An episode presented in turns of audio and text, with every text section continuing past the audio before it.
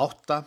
Þjóðfélagsmál Guðmundur Skáld Magnússon segir svo í skýrni 1915 Á námsárum Þorstens í Kaupmannahöfn var jafnaðarmannastefnan hvað mest að færast í aukana.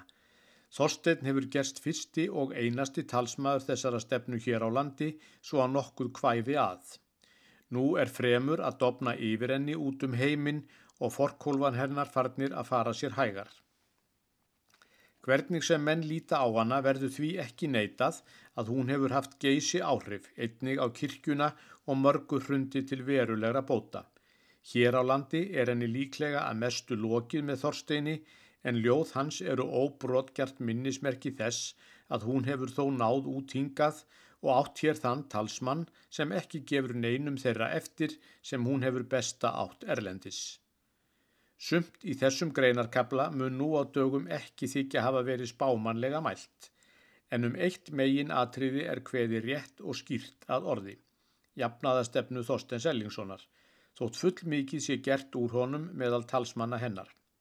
Þorstedt taldi sig sósialista frá því á hafnarárum sínum er hann að sögn Valtís Guðmundssonar las sósialdemokraten mest allra blada og um tíma nær eingöngu.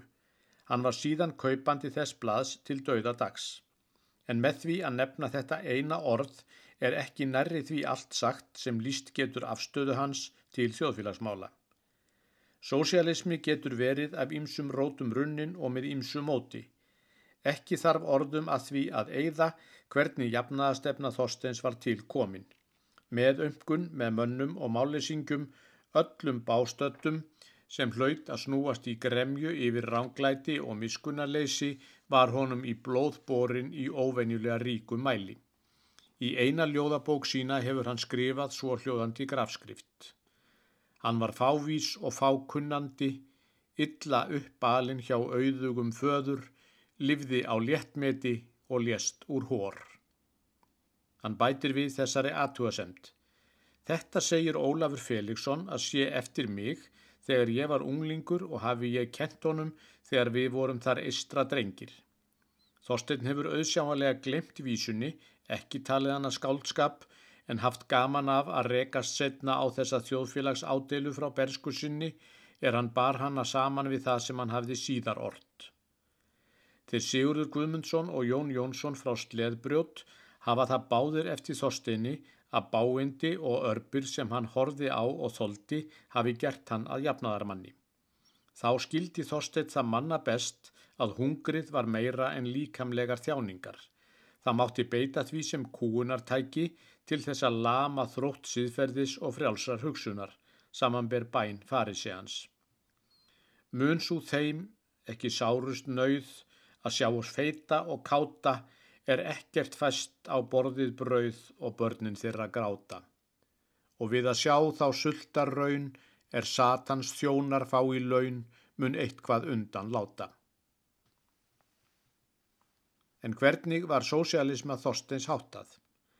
Þegar Alþýðublaðið, fyrsta málgagn íslenskra verkamanna, hóf göngu sína 1906, ritaði Þorstein þegar grein í annað tölublað þess. Þar segir hann svo.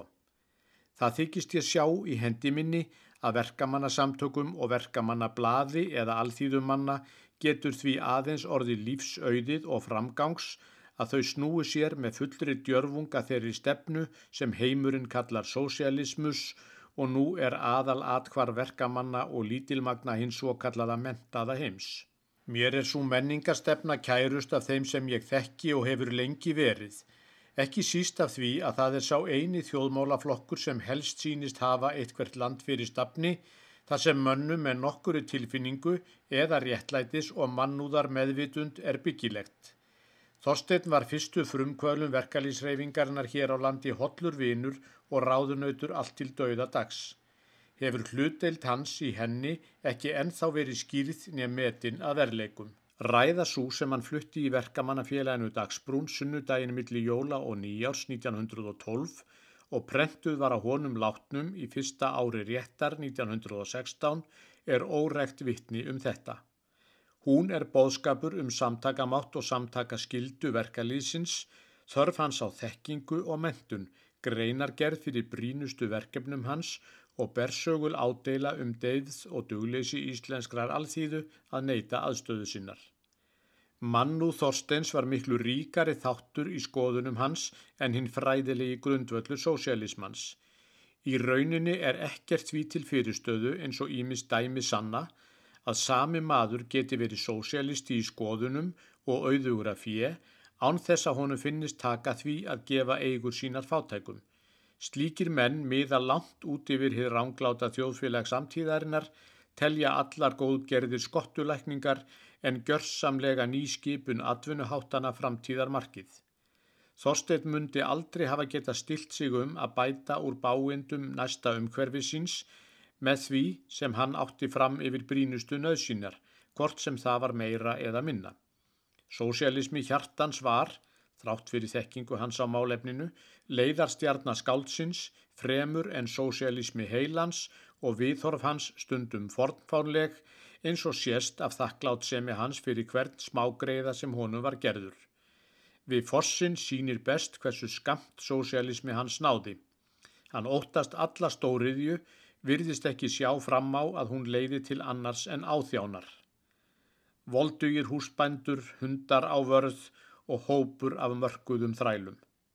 Marx leitt hins vegar á stóriðuna sem eðlilegan undanfara sósialismans og Stefan G. Stefansson hefur í fossaföllum hort til þeirra tíma er verksmiðunar verði ekki framar eigendur verkalýðsins heldur eign sem gerir honum lífsbaráttuna auðveldari og kvildarstundirnar fleiri.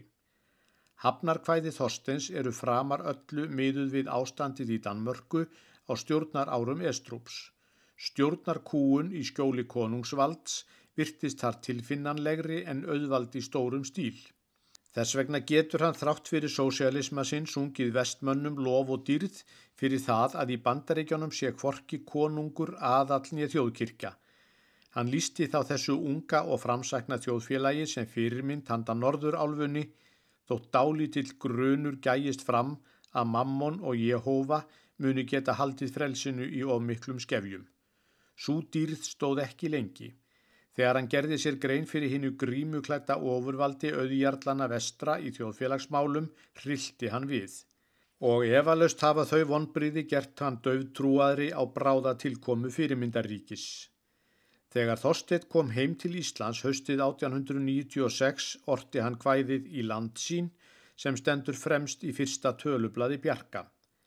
Annað erindið er þar á þessa leið og þar áttu fóstra þinn framtíðar herr, þinn frjálslinda unglinga skara, sem berst undir merkjunum vaskar en við og vogar þar djarfara að fara.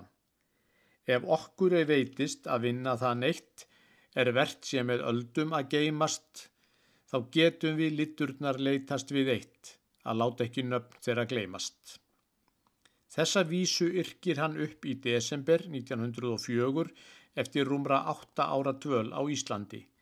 Þar talar hann ekki um hinn vígbúna æskulíð sem býði hans við heimkomuna, heldur er það orðin fjarlægari von að síðar færist meiri kjarkur í þann her sem hér er í þokunni að læðast.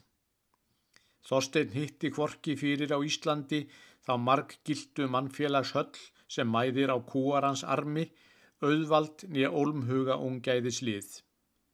Hann getur þess í alþjóðublaðsgreininni að efnajöfnuður sé hér á landi meiri en annar staðar og hvorki æskan í alþýðan voru vaknaðar til neittna sameinlegra átaka um uppreysn í félagsmálum. Við þetta bætist ennþá eitt.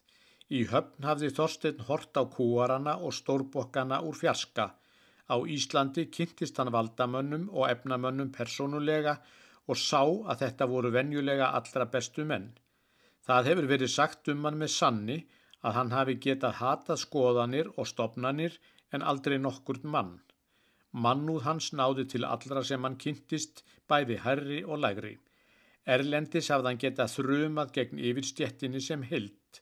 Á Íslandi lestist þessi miðlungsvolduga og bjargálna stjett upp í einstaklinga sem margir voru honum vel. Hann orti til þeirra og um þá ráðherra, síslumenn, kaupmenn og aðtapnamenn og getur dáðst að því framtæki sem komi öðrum að gagni þótt unnið væri af einstaklingi í eigin þáu. Einn vanstu sigur, segir hann í kvæðinu um Otto vatni. Þegar allt þetta er aðtugað væri til of mikils ætlast að Þorstein Erlingsson hefði gert logandi byltingakvæði eftir að hann kom heim. Honum hefði fundist þau ort fyrir döf eiru, herkvatir til soknar að maglittlum og meinlittlum potentátum fallbissu skot á smáfugla. Ekkert hefði verið honum auðveldara en neyta íþróttar sinnar til þess að leika byltingaskáldið áfram í stór orðum hvæðum. Margir hefðu verið hrifnir af því. Dæmalöst er þetta snjált. Aðrir hefðu hugsað. Dæmalöst getur það verið saglöst þóttan þorstinn okkar gali og bíti í skjaldarendur. Hvorir tveggja hefðu mókt jafn rólegir eftir sem áður. Aðeins einu manni á öllu Íslandi hefði liðið verulega illa af því að hlusta á slíka hersöngva, Þorsteini Erlingsinni sjálfum. Hann hefði fundið tóma hljóðið í þeim og blíðast sín fyrir, einmitt vegna þess að gömlu byltingakvæðin hans voru ekki málróf, heldur ort af heilum huga um verulega óvinni, var honum síðar á æfinni ómögulegt að yrkja í sama anda til tómrar skemmtunar. Skoðanir hans voru alveg óbreyttar en sá heimur, þar sem ránglætið var nógu þrúti til þess að magna hann til árása, sá flokkur manna sem nokkur von var um að eggjun til uppreysnar biti á, voru honum of fjarlægir til þess að verða að yrkisefni. Þegar hann var beðin að yrkja kvæði til Friðriks konungs áttunda sumarið 1907 gata hann staðið eitthvað svipað að víi sem í höfn. Fylgir vor, í öllum okkar sögum er þeim kongum fegust merki rest, sem hinn sterka sveigðu fyrir lögum, sem hinn smæsti gatt að fullu treyst. Tótnin er mjúkur og fylstu háttvísi gætt, en það var þessi konungur gestur Íslendinga og ekki verdarinn einnar estrúp stjórnar.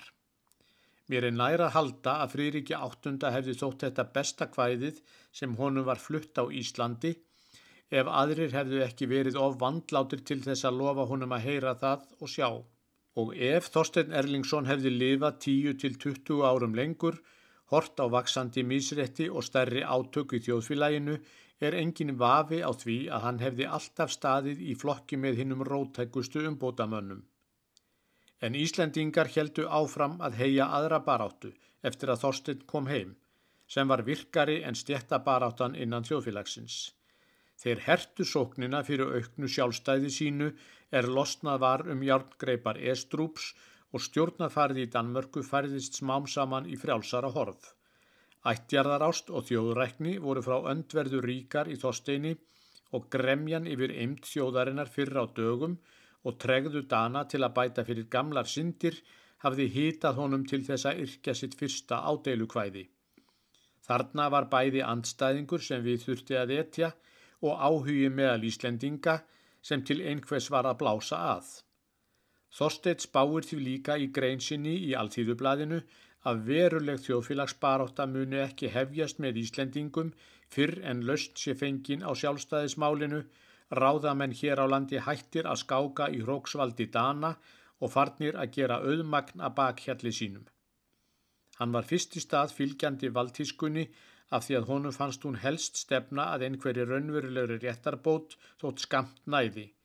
En síðan var hann jafnan í flokki þeirra sem gerðu harðastar kröfur og á landvarnarmanninum sem ort er tæpu ári áður en hann lést eru engin þreytumörk. Hann dáist enna hverju manni sem leggur á tæpasta vaðið eins og hann hafði kveðið forðum og vill heldur kollsigla sig en hebla seglin. Engin sveina keirir knör, knárra í beinan voða, þar sem reynir fegð við fjör faldur á einum bóða. Síðast gladir sigla í strand, samer hvað þeir börðu, þeir sem aðeins áttu land, elskuðu það og vördu. Þetta var síðasta kvæði Þorsteins þar sem brím gnúði í stefjunum. Það var því síðasta af því að líkaminn bilaði en ekki vegna þess að skapið væri kólnað nýja kjarkurinn brostinn.